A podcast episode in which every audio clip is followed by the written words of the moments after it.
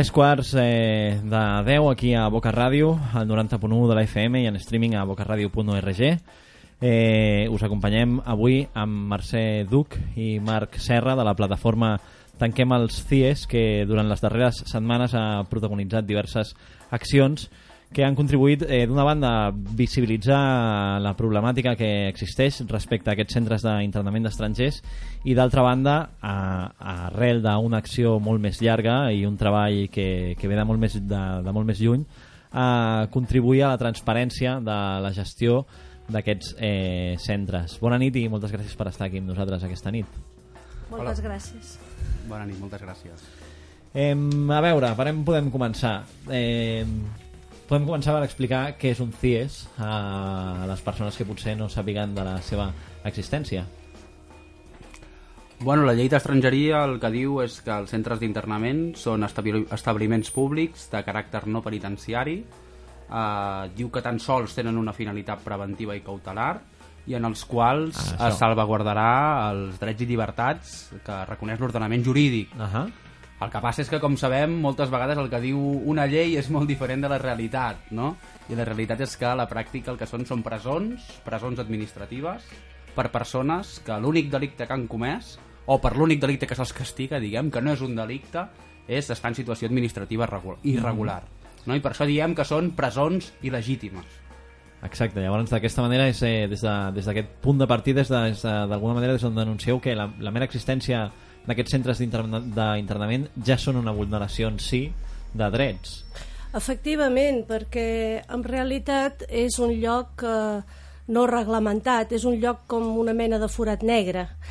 Eh, és un lloc on el que hi cau eh, no sap ben bé quins drets té, no coneix ni, ni li expliquen bé la seva situació, se suposa que ha d'entrar allà mitjançant un, eh, ha d'haver un jutge que digui que entra allà, però en realitat moltes vegades ens trobem amb gent interns que ni saben per què han caigut allà, ni saben molt bé la seva situació, i el que és pitjor, poden, poden tornar al carrer o poden ser deportats sense conèixer ben bé la seva situació particular. Doncs eh, jo us voldria preguntar, primer d'una banda, com funcionen aquests CIEs, no? aquests centres d'internament, eh, quina és la problemàtica i l'opacitat en la que es troben, i d'altra banda, quin és el procediment? Des de que una persona li requereixen la documentació fins que arriba al centre d'internament i després quin és el pas que fa aquest dintre d'aquest centre d'internament fins a o sortir, no sé, si és deportat, diguem-ne, o, o, o que el deixin estar aquí. Com és des d'això? Comencem, per exemple, des del dia que el paren i li demanen la documentació. Per entrar en un centre d'internament, una persona ha d'estar, com dèiem abans, en situació administrativa irregular, que recordem, no és un delicte, és una falta, una falta com pot ser, per exemple, una, una multa de trànsit, vale? per exemple, i a més a més tenir una ordre d'expulsió ferma. Vale? Són una mica els dos requisits. Estar en situació administrativa irregular i tenir una ordre d'expulsió. Uh -huh. uh, hi ha, hi ha diferents vies d'entrada en els centres d'internament. Qui, qui la... dic aquesta ordre d'expulsió?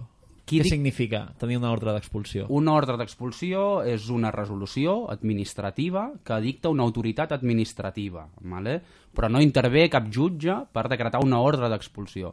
Pel que sí que hi ha una intervenció d'un jutjat, que més aviat és una intervenció testimonial, és per dictar l'internament de, de l'estranger. Uh mhm. -huh. vale?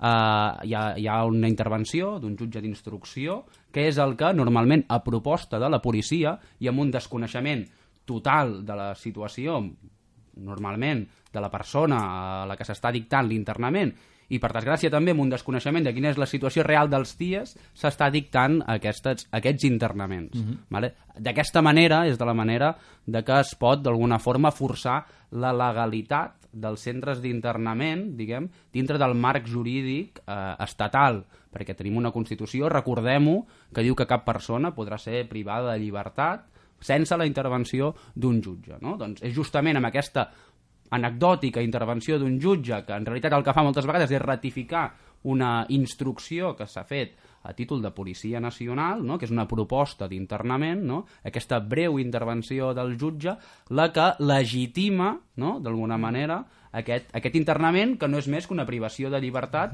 d'una persona que no ha comès cap delicte. No? Nosaltres, d'alguna forma, el que fem és criticar, centrar-nos en la crítica en aquest mecanisme. No? Creiem i entenem que no és legítim que es privi la llibertat d'una persona que està en situació irregular, tenint en compte més que amb la llei estrangeria actual i amb la situació del mercat de treball actual el fet d'estar en situació administrativa irregular pot dependre, per exemple, de perdre una feina no? i la impossibilitat de poder renovar un permís de residència perquè no s'ha cotitzat lo suficient, que hem de recordar que tenim una de les lleis d'estrangeria més dures no? dels països del nostre entorn. No? I d'aquesta manera denunciem que el fet d'estar en situació irregular és una situació transitòria i que de cap forma legitima, per tant, una, un càstig, no?, d'alguna manera, perquè si coneixem una mica la realitat dels centres d'internament, no hem d'obviar que l'impacte que genera en la, en la vida no? de d'una persona és molt similar al que han viscut persones que han passat per centres penitenciaris, les conseqüències psicològiques, i no, d'alguna manera s'acaba vivint com un càstig, no? Clar, clar. A més, aquella persona que entra allà tampoc no sé fins a quin punt té clar on l'estan portant i en quina situació es troba si, sense haver comès cap delicte, es troba en aquesta situació de, de privació de llibertat. Quant de temps pot passar allí dintre una persona, 60 dies, com a màxim? com a màxim. De fet, fins i tot si es vol, si es vol argumentar que, que és un mecanisme que té l'Estat per regular bé, tota la gent que està sense papers i que s'ha de regular d'alguna manera i és un mecanisme que es dona a l'Estat per expulsar tota aquesta gent sense papers, fins i tot si ho mires des d'aquest punt de vista, que evidentment no és el nostre, fins i tot des d'aquest punt de vista és molt ineficaç, perquè en realitat eh, són 60 dies, amb aquest termini de 60 dies es pot arribar a, a l'expulsió directament, o si no, passen els 60 dies, se'l deixa al carrer. I ja està, se'l deixa al carrer i ja està. És molt absurd. És totalment absurd, perquè llavors diguem que hi podria tornar 60 dies més si la setmana que ve es torna a trobar en aquesta situació. Sí, en realitat, bueno, em sap greu que anirem fent in- interrupcions, diguem, jurídiques, però en realitat per un, Per per un això, per mateix això. procediment d'internament el màxim és 60 dies. Vale? Per un per, procediment. per un mateix procediment d'internament. S'hauria d'obrir un altre procediment d'internament, vale? Cosa que ha passat. Eh? Coneixem algunes de les persones no? que han col·laborat en alguns moments amb la campanya, han estat internades dos, tres, fins a quatre vegades en diferents centres d'internament.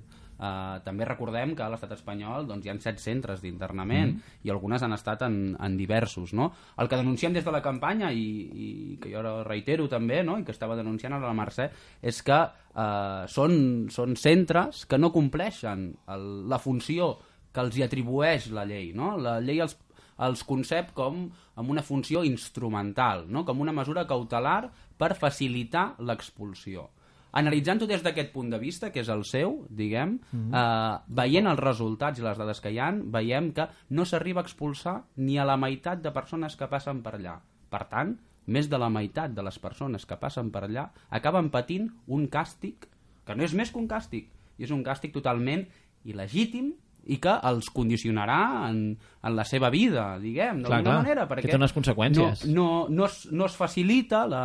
No, no, no s'acaba facilitant i no s'acaba executant una expulsió i se'ls castiga gratuïtament, Mhm. diguem, no?, amb una privació de llibertat. No? Això em sembla que per un estat de dret és totalment inconcebible. Perdó, Endavant, voldria, endavant. Afegir, voldria afegir que no sols es castiga a la persona internada. Pensem que moltes vegades aquesta persona, el seu entorn familiar, queda totalment eh, també afectat per aquest problema. Eh, senzillament per la família anar a visitar el seu familiar quan se n'assabenta, de cop se'n pot assabentar que el tenen tancat en el, en el CIE de Zona Franca, per exemple, eh, bé, pensem que, que, que les famílies ara l'horari familiar de visita poden anar a visitar-lo i poden anar a visitar-lo amb una franja de dues hores al matí i, i prou per una persona que està treballant, que Clar. està Potser no és l'horari no que... Clar, clar. Realment no hi podran Són anar. dificultats. o amb moltes dificultats. Pensem que pot ser molt bé que estigui en unes condicions, si té treball, que sigui unes condicions molt precàries, si té crios petits, si té... En fi, tot el que us podeu imaginar. Realment és tot un entramat que el miris per on el miris, quan el vas veient els detalls, és absolutament absurd i absolutament, sobretot, eh, deies al començament, parlaves de vulneració de drets, és que se'ls vulnera tots, tots, perquè moltes vegades també diem és pitjor que una presó. En una presó, la persona que entra al, al pres té una, una sèrie de drets, hi ha un mecanisme, hi ha, un, hi ha un, unes regles de joc, sap la seva situació Que d'alguna manera garantitzen... i fins i tot hi ha gent a dintre que hi ha una intenció... Bé, hauria molt de, de parlar, no? però en fi, hi ha com tota una intenció de que aquella persona pugui com... En fi, hi ha uns tallers, hi ha, es treballa la re- la rehabilitació... Potser, Sí, la bueno, reeducació, fins i tot. Pensem que allà no hi ha ningú que no sigui policia, són Clar. Policies. És gestionat plenament per al cos de Policia Nacional. En una de les accions que hem vist aquesta setmana ha sigut la publicació d'un informe en el que es detalla, es detalla una sèrie de coses que ara m'agradaria comentar amb vosaltres, com ara, per exemple, això, no? que en accedir en un CIES, una persona, només veu allí policia, no hi ha cap altre tipus de suport de cap mena. Fins i tot eh, es posen dificultats a l'hora de tenir traductors, no? De manera que una persona que entra allà té això, les, no, potser no són capaces de que algú els expliqui en quina situació es troben. Mhm, Ja, ja, això és evident, hi ha, hi ha un total desconeixement, bueno, és evident quan, quan es coneix una mica en la realitat, no? Hi ha un total desconeixement per part dels interns, moltes vegades fins i tot del motiu pel que estan allà, Ahà. de quant temps estaran allà, de quan seran deportats. Una altra de les coses que exigim és que se'ls informi amb suficient antelació. Nosaltres demanem que com a mínim en 48 hores s'informi als interns i a les seves famílies de quan seran deportats. Perquè el que no pot ser és que se'ls desperti al mig de la nit que se'ls digui que els deixen en llibertat i després, quan l'intern està en una actitud, diguem, d'alegria i de bon tracte amb la Policia Nacional, se l'agafi, se l'emmanilli i Se se'l porti l'enganya. amb una furgoneta cap a, cap a l'aeroport del Prat, que casualment està al costat del centre d'internament, no? al costat del polígon de la zona franca, per ser deportat al seu país d'origen. Creiem que això, i és, i és una, Sí, una se pràctica l'enganya, no? habitual, cre creiem que això atenta contra la dignitat de les persones. Les pràctiques molt en un estil penitenciari, més que de funció social, diguem-ne, que és, el, com dèieu... Pitjor, pitjor. Pi- pitjor que penitenciàries, perquè clar, no hi ha aquestes garanties. També eh, ens parlàveu en aquest informe, llegim en aquest, en aquest informe que les comunicacions amb la família no només són en aquest horari ac- acotat, sinó que són a través d'un vidre, amb un telèfon, i que acostumen a durar com un màxim de 15 minuts. Així és. Una nova... Per, per, per mi, que ho desconec, tot i que per circumstàncies hi he passat molt sovint per davant de, del CIES de la zona franca durant un temps, eh, doncs res, és molt impactant. Molt impactant, primer, la coneixença de, de l'existència d'aquest centre d'interna- d'internament que potser molts ciutadans de Barcelona ni l'han vist mai, perquè està allí en un polígon allunyat, i segon, conèixer quines són aquestes pràctiques. Eh, no hi ha, eh, fins ara no hi havia, ara veurem com això potser canviarà, no hi havia serveis urinaris dintre de les cel·les i les cel·les estaven tancades des de les 10 de la nit fins les 8 del matí. Així és. déu nhi no? En aquelles 10 hores en un llibrell. S'organitzen com poden. Clar. Però ara, justament, el 14 de gener, no, hi va haver, es va dictar... Bueno, els jutjats van emetre una provisió perquè hi haguessin una sèrie de canvis en aquests aspectes més bueno, purament humanitaris, no?, al final, perquè és una qüestió de que si vols tenir tancat algú, el mínim que li garantir són unes condicions eh, bueno, mínimament dignes, no?, perquè pugui, pues, això, pues, un lavabo, alimentar-se... Mhm. Per començar es van designar, no?, aquests jutjats, perquè no estaven designats. Aquests jutjats de control són uns jutjats que fa molt de temps que haurien d'haver començat a funcionar, Mm. Ahà. eh, que nosaltres portem molts anys reivindicant que eh, s'identifiqui clarament quin és el jutjat de control, perquè abans a Barcelona no estava identificat. Va ser arran de la mort d'Idrissa Diallo, del, al gener del, del 2012, eh, quan hi va haver una mica la resposta, diguem, des de l'àmbit judicial i es van assignar, en el cas de Barcelona, dos jutjats de vigilància i control. Mm. Uh, a partir de llavors vam estar uh, fent-los arribar la situació dels centres del centre d'internament de la zona franca, en concret a través de diverses queixes i denunciant justament aquests dos aspectes que heu assenyalat com els més preocupants. Uh, mm. el tema de la comunicació de les comunicacions amb els familiars vale? que s'ampliés l'horari de visites que abans ja estava a la tarda i mm -hmm. per la discrecionalitat del director, que és com funcionen aquests centres, vale?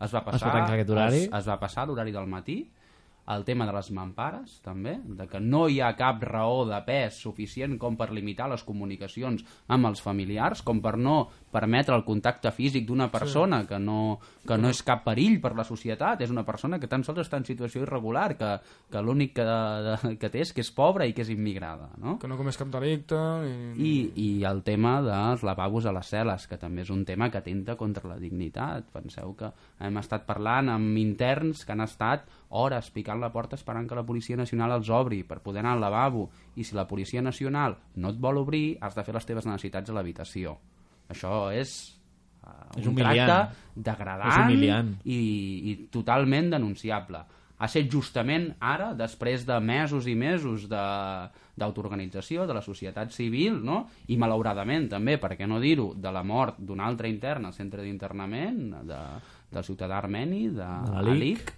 eh, quan els jutges de control, per fi, han emès una resolució, que és aquesta que comentàvem del 15 mhm. de gener, en què eh, nosaltres ho valorem com a molt positiu, s'acorda i es, eh, és, una, és una resolució que ha de ser executiva i que ha de complir el, la direcció del centre, que ja veurem què passarà, s'acorda que es desmontin aquestes mampares i que es permeti el contacte en les visites entre els interns i els familiars. S'amplia l'horari també en horari de tarda i es demana expressament que es construeixin lavabos en les cel·les, mm -hmm. vale? Sí. amb una crítica molt, molt dura que recull l'anàlisi la, que havien fet no? des de les organitzacions de drets humans. No? Mm -hmm. D'alguna forma valorem molt positivament aquesta resolució, tot i que lamentem de que s'hagin d'esperar les autoritats judicials a emetre resolucions d'aquest tipus a que passin desgràcies d'aquesta sí. magnitud.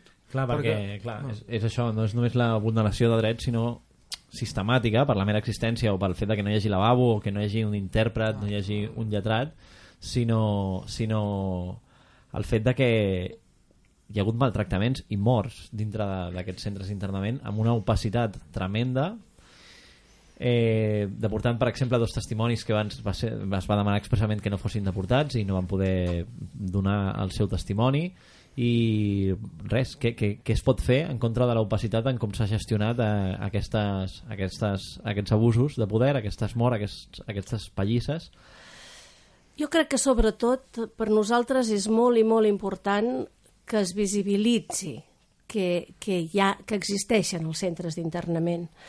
Per nosaltres, com a plataforma Tanquem el CIE, des del començament, eh, una de les coses que vam tenir més clares és que havíem de lluitar molt contra l'opacitat, contra aquesta mena d'impunitat, eh? un núvol que envoltava els CIES i que el ciutadà comú, fins i tot la gent més sensible eh, socialment, per dir-ho mm -hmm. d'alguna manera, molta gent ens hem trobat que no coneixia l'existència dels CIE. Llavors, una gran part de la nostra feina com a campanya Tanquem el CIE justament ha estat eh, visibilitzar-la i fer moltes notes de premsa, fer moltes xerrades, fer moltes entrevistes com aquesta, que per cert us agraïm molt que ens deixeu explicar-ho. Perquè pensem que justament eh, aquesta mena d'invisibilitat és el que més ha perjudicat. I mm, estem molt contents amb com ha, com ha anat el, les darreres, els darrers, mm, pràcticament des de Nadal, no? més o menys, molt lamentable per on va començar evidentment, però mm, estem satisfets amb el sentit de que cada vegada més gent se n'està donant de que, què és un CIE. Uh -huh. Que a mi, que el senyor Trias eh, acabi dient que, que ell s'ofereix com a mediador amb la, amb la delegada del govern per tractar aquest tema en aquestes alçades, per una banda em fa molta gràcia, perquè jo sóc veïna, bueno, no sóc veïna, però treballo amb l'Assemblea de la Marina i hem anat diverses vegades a la, a veure el, a l'audiència pública i li hem reclamat al regidor, escolti, vostè regidor de Sants Montjuïc com pot permetre que en el seu districte hi hagi un, hi hagi un, un centre que és pitjor que una presó. I clar, sempre l'argument era no és competència resposta? nostra, no és competència nostra. A més, ell un dia va demanar anar-hi... si la figura política més propera que hi ha al districte i al barri no es fa no és responsable... competència seva. I... Però bé, què passa? Que, que força d'anar d'anar pressionant, la pressió funciona, ho sabem. Uh, tots sabem el que ha estat passant darrerament, amb, per exemple, amb Gamonal, no? La gent, si es mou, pot moure. No, en aquest cas ha funcionat clarament. Ah, llavors, eh, nosaltres el que volem i el que volem transmetre a tothom és, primer, que sàpiguen de l'existència del CIE. Qualsevol persona mínimament sensible que li expliques una mica, que se n'assabenta una mica de què és un CIE, s'esgarrifa i això no pot ser, això no pot passar aquí. Sí, passa. Tenim un Guantánamo al costat de Barcelona. Aquí a zona franca. A plena zona franca. En un lloc que jo, mm, tu dius que hi has passat algunes vegades, convidaria els oients a que alguna vegada se'n vagin d'excursió i veurà el que és una cosa en el lloc més inhòspit de Barcelona. Mm? Per tant, tornant a l'opacitat, és el pitjor que passa al CIE. L'opacitat amb la que es pot fer qualsevol vulneració de drets. Jo no sóc advocada, no sóc de la comissió jurídica i no puc parlar gaire d'això, però sí sé que moltes vegades ens assabentem de maltractes i sempre diem però això s'ha de denunciar, això s'ha de denunciar. El gran problema és com fer-ho com fer-ho, que no te'ls enviïn fora del país, que trobis la manera de fer-ho, però els advocats han de fer la seva feina, els jutges han de fer la seva feina, però els ciutadans hem de fer la nostra. I la nostra és reclamar. Què, què hi fa un centre d'internament d'estrangers al mig de Barcelona? Com a mínim el coneixement. Expliqueu-nos què hi fa, com funciona, i llavors podrem tenir un criteri, Clar. no? No, és justificable. Perquè heu dit que hi havia set, set centres, no?, a Espanya. Uh -huh. I des de quan? O sigui, perquè jo recordo molt lo de la llei aquella quan va haver l'època de l'Aznar, que se feia que si no tens papers no tens feina, si no tenies feina no tenies papers, i tot aquell embolic que van crear una mica perquè la gent no... Si aquesta llei segueix... Sí, sí, sí. és, és que la... tenim. Sí, ara se'n parla menys, no? diguem, però Ah. sí, és la llei d'estrangeria des del 1986 que preveu eh, la creació de centres d'internament. Eh, hem de pensar que en el, en el seu origen els centres d'internament estaven en comissaries de la Policia Nacional, normalment, en les pròpies dependències policials, Ahà. normalment en els sòtanos, en els Sí. soterranis, diguem. En el cas de Barcelona estava a la Verneda, en el barri de la Verneda, en la comissaria, l'antiga comissaria de la Verneda. Uh, llavors, si les condicions d'ara són infrahumanes, les de llavors ja eren totalment indignes, diguem, i, i molt, molt, molt amagats, denunciables. Llavors, també, tot el moviment de sense papers eh, i des de la, les organitzacions de drets humans també es va denunciar molt l'existència d'aquest centre d'internament, les condicions en les que estava, que no hi havia llum, que era un lloc amb molta humitat, on també hi havien hagut casos de, de maltractaments, sembla ser que també hi havia hagut algun cas de mort, el que passa és que tampoc es feia un seguiment, diguem, tan, no? amb tanta presència com la que hi pot haver ara en el centre d'internament de la zona franca. Uh, es va aconseguir tancar el centre, de, el centre de la Verneda, però, desgraciadament, en van, en van construir un altre i el van construir al mig del polígon de la zona franca, no per casualitat, sinó per d'alguna forma mantenir-lo en la invisibilitat, no? I facilitar també el propi mecanisme de deportació, Clar. com abans comentava, doncs està al costat de, de l'aeroport, no? I d'aquesta forma pues, limitar les possibilitats de plantar qualsevol tipus de, de resistència als mecanismes de, de deportació. Però sí que és veritat que durant molt de temps ha estat un tema molt silenciat, un tema del que els mitjans de comunicació no n'han parlat no? i que al ciutadà comú li pot semblar que els centres d'internament és cosa de l'època d'Aznar no? o de fa dos, tres anys. No? i han set justament les organitzacions de drets humans, les plataformes no? com la nostra, però també moltes d'altres, les que han aconseguit trencar aquest silenci mediàtic, no? que és el primer pas eh, per poder conscienciar la societat i per preparar-nos per millorar la democràcia, no? I per millorar aquesta democràcia el que necessitem, una de les moltes coses que necessitem d'alguna forma per millorar-ne la qualitat és no tenir aquests centres eh, totalment il·legítims, no? Són unes institucions que no ens podem permetre, no? Per la, per la qualitat de, de la nostra democràcia. Com a mínim això, no? Visibilitzar-los i tenir, poder tenir poder tenir un criteri. Una altres de les coses en relació a, a l'existència d'aquests altres centres a, a la resta de l'estat espanyol és que, d'una banda, eh, pel que he vist, no tots es regeixen mitjançant el mateix reglament, el reglament varia, i d'altra banda és que en aquest CIES de la zona franca no hi ha dones, de manera que les dones que són, que, que, que són internades des de Barcelona són eh, traslladades a altres centres de l'Estat, separant-les així dels seus nuclis Imagina't- familiars que tinguin aquí. Imagina't la família d'una dona a la que a la que porten, per exemple, al centre de València o al centre de Madrid, si ja ho tenen difícil els que viuen més o menys aquí, imagina't la família Clar, clar, Com és, ho fa? És, a, a, me- i L'intern és eh, pues, no tenir contacte ni visites i si ja és difícil saber on estàs que ningú des de fora et pugui explicar ni intercedir per tu, diguéssim, ajudar-te i clar, la família doncs una despesa contínua durant aquells 60 dies si hi ha sort i després mm, ja veurem, no? Així és, així és. Sí, sí. Tota la situació tan, diguem, absurda, dura, que t'estàs imaginant només de, només de verbalitzar-ho, Sí, sí, és tu que vas clar. imaginant, amb les, vas, vas acompanyant amb les imatges i dius, però i si em passés a mi? Clar. Ara, bé... a- Imagina't que tu que perds som el carnet de conduir també. o perds el carnet d'identitat i que tens una falta administrativa. Bueno, no sé si formalment això és una falta administrativa, no sóc advocada, però imagina't una cosa així. Ahà. O imagina't com, bé, tu te'n vas a un altre país, ja ens ha Exacte. passat. Ja ens ha Ah, passat, Això us no? anava a dir ja que ara que nosaltres som emigrants també, Clar. quina és la situació a Europa? Que el teu germà, el teu fill, el teu pare, algun conegut teu està en un altre, se'n va a un altre país, mm, se li caduca el, el visat o els papers, és igual, i l'interren en un centre. Què Com- pensaries? Com és la situació ara mateix a Europa? França, Alemanya, Bèlgica... Són semblants? Les... Es, es pot comparar? Els centres d'internament estan regulats a nivell europeu per una directiva, que és una directiva de 2007, que és la directiva de retorn, més coneguda com a directiva de la vergonya. Uh, per què des de les organitzacions en dèiem la directiva de la vergonya?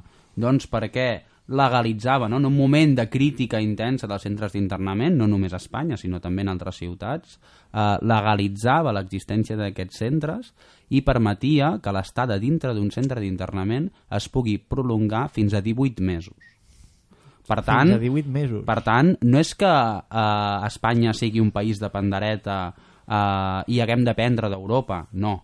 És que els centres d'internament, d'alguna forma, formen part de l'essència de l'Europa del capital, de l'Europa fortalesa, no? D'aquesta Europa en la que eh, insertada dintre del mercat de la globalització econòmica eh, promou la circulació de capital sense fronteres no? i l'especulació financera i posa barreres i balles amb concertines no? i crea una agència de control espacial Frontex militaritzada eh, externalitzada en la que els estats d'alguna forma renten les mans per perseguir les pateres amb, amb flotes de submarí, diguem, no? Aquesta, aquesta és l'Europa aquesta és l'Europa real, Un parèntesis diguem, no? en això de Frontex? Bueno, Frontex és, és una agència eh, que es dedica, diguem, té com a missió el control de fronteres, no? I en aquest cas, doncs, eh, nosaltres formem part de la frontera sud eh, d'aquesta Europa, no? Juntament amb Itàlia, amb Grècia.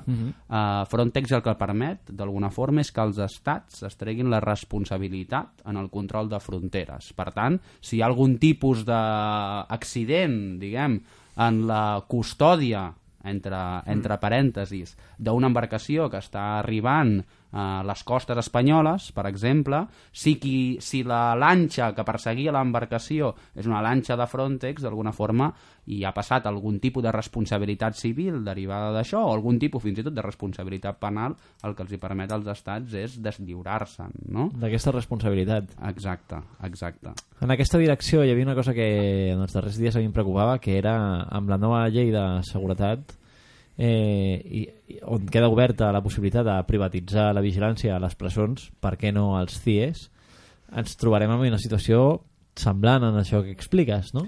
Sí, abans, intentant lligar-ho també amb la, més gran encara. intentant lligar-ho també amb la pregunta anterior, no? quan preguntaves de si hi havia reglament o si Ahà. cada centre d'internament tenia un reglament diferent.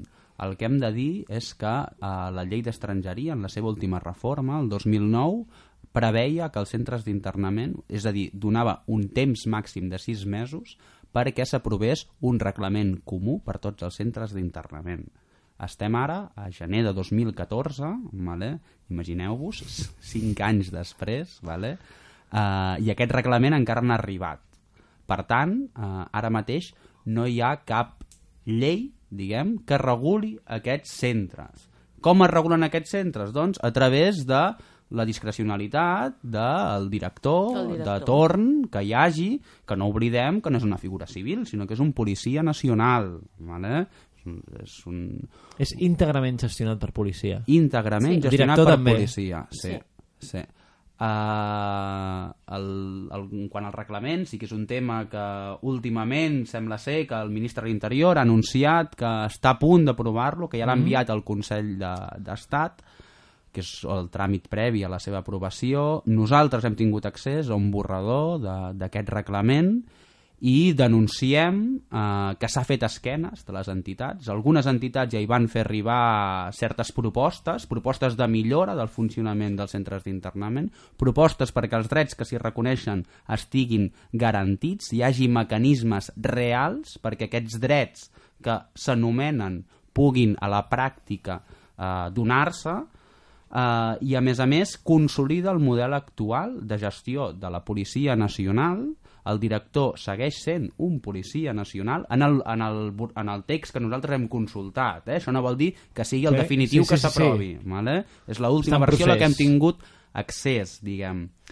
Uh, I també, no, relacionant amb, amb la pregunta anterior, deixa la porta oberta a la privatització d'aquests centres, no? que escapa al model cap on sembla que es vol tendir, que seria el model anglosaxó, el model americà, que són centres que estan gestionats per empreses privades on un cop més l'Estat es desresponsabilitza justament de tot el que pugui passar allà i passen de ser gestionats des d'una lògica d'un servei públic, si em permeteu, encara que la Policia Nacional no entenc massa aquesta lògica, a passar a la lògica del mercat, a la lògica del càlcul de la maximització de beneficis, en què, eh, per exemple, als Estats Units, coneixíem fa poc, eh, els centres d'internament, que allà ja sí que estan concertats, diguem, gestionats per empreses privades, cobren en funció del número d'interns que tenen i dels dies que tenen els interns en allà.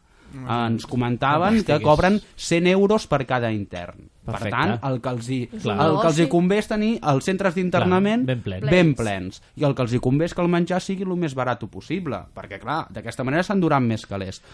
Pensem que eh, entrar en la lògica de la privatització d'aquests centres és molt perillós i que ja s'ha demostrat a altres llocs que amb la privatització dels centres d'internament augmenten els maltractaments, augmenten els suïcidis i augmenten les morts justament perquè aquesta visió, diguem, i aquesta responsabilitat que ha de tenir l'Estat d'una persona que està privada de llibertat, de, a la qual ha de tutelar, ja no existeix, no? i està dintre de la lògica del, del mercat capitalista. Nosaltres el que denunciem justament és que aquest reglament disfressa la privatització de, dels centres amb la pretesa intervenció d'ONGs quan totes les ONGs es posicionen no, per no voler entrar a, en els centres d'internament, sinó qüestionar aquesta figura en si, qüestionar-ne Sí, sí. l'existència. Bueno, és com d'alguna manera...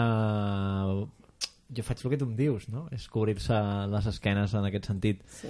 Nosaltres- És molt evident, perdona, Endavant, és endavant. molt evident que per nosaltres és molt evident que no és un tema de reglament. No hi ha reglament que arregli això. Per nosaltres eh, el reglament, evidentment, mentre eh, hi hagi interns allà, evidentment volem que estiguin en les millors condicions possibles. Però clar, Però no hi ha cap altra solució que no sigui el tancament. O sigui, el que qüestionem totalment és l'existència mateixa d'aquests dies i aquesta existència, si ara gestionats per un, una, de manera pública a través de la Policia Nacional ens trobem primer amb aquesta opacitat i després amb una ètica discutible doncs ja tots sabem que l'ètica de l'empresa privada doncs és això, el màxim benefici i que tampoc no brilla l'empresa privada per la seva transparència. Llavors, clar, si la perspectiva és aquesta no, dintre d'aquest marc no, no és impossible respectar cap tipus de dret. Eh, quines són les accions que tenim previstes, que teniu previstes pels pròxims eh, setmanes, mesos? Doncs justament ara venim d'un mes molt intens. Molt de- intens, molt intens. D'accions. La visita als eh, parlamentaris, una manifestació amb més de 1.000 persones... Exacte, una manifestació històrica, que és la més gran que Ah, s'ha vist mateix. en el centre d'internament de Barcelona i possiblement en tots els centres d'internament de l'Estat. Uh, I ara mateix el que estem és en una època, diguem, uh, de força treball a nivell judicial, també. Uh, hem entrat part en tres acusacions particulars, en tres casos diferents, uh, tres situacions de maltractament, el, uh, també en, la, en el cas de, de la mort de l'IC, uh, som, som part de l'acusació particular, i d'alguna forma s'està fent aquest treball una mica més invisible, no? però diguem de, de vigilar què és el que està passant en allà, de portar-ho en els jutjats eh, i d'intentar que s'esclareixin els fets, no? de, de forma totalment rigorosa, no? I de moment pues, aquest, aquesta és l'activitat principal de picar pedra, eh? aquesta és l'activitat principal en la que estem, a tot tenir en compte que és molt, molt, molt complicat portar una, una denúncia de maltractament en un centre d'internament, aconseguir, per exemple, com vam aconseguir la setmana passada, que els testimonis d'aquesta denúncia puguin passar pels jutjats. Tan sols això ja és complicadíssim perquè la reacció habitual de la direcció del centre quan es presenta una demanda o quan se li notifica que s'ha presentat una querella eh, per una situació de maltractament és agafar les persones que l'han denunciat i accelerar la seva expulsió, cosa que venim denunciant des de fa anys. Per sort, eh, justament la setmana passada sabíem que crec recordar que és el jutjat d'instrucció número 9 en el que van presentar la querella pels fets del, del 31 de desembre, coincidint amb cap d'any, no? que hi va haver una entrada de, bueno, una presumpta entrada de la policia dels antidisturbis de la Policia Nacional, bueno, una entrada i una presumpta agressió a, a diferents interns, vale? doncs el jutjat de- d'instrucció, crec que és el, el número 9, ha pres la, la bona decisió de fer prevaldre l'interès que té aquesta querella, no? que s'esclareixin aquests fets, sobre el procediment d'expulsió d'aquesta persona i, per tant, suspendre l'expulsió de forma cautelar d'aquestes persones perquè puguin passar a jutjats. No? Una cosa tan simple, diguem, no? i que hauria de formar part d'un estat de dret i que hauria de ser ben habitual, Clar. ens ha costat molts anys d'esforços, molts anys de denúncia. No? Ara comença d'alguna forma a activar-se. El que passa és que, clar, també és, és molt, molt, molt complicat, no? Seguir que, que, que aquests procediments segueixin, perquè a vegades les persones acaben sent expulsades del seu país, perquè han passat per una experiència traumàtica, no? No volen d'alguna forma seguir amb el procediment judicial, en alguns casos. És, és realment molt complicat i justament aquestes dificultats de denúncia són les que expliquen que no hi hagi cap cas de condemna per situació de maltractament en un centre d'internament. No és perquè no es donguin, és perquè és molt difícil judicialitzar-los i més acabar amb una, amb una sentència ferma condemnatòria.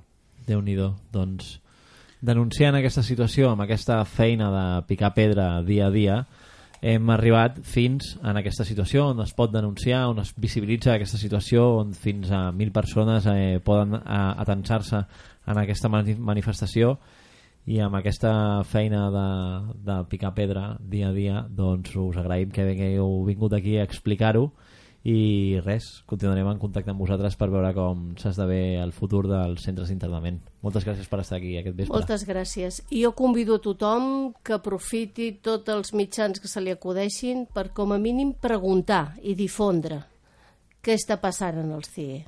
Preguntar i difondre, sí senyora. Molt important i ho fem poc sovint. Gràcies per Moltes gràcies aquí. a vosaltres. Moltes gràcies a vosaltres per donar-nos aquest espai.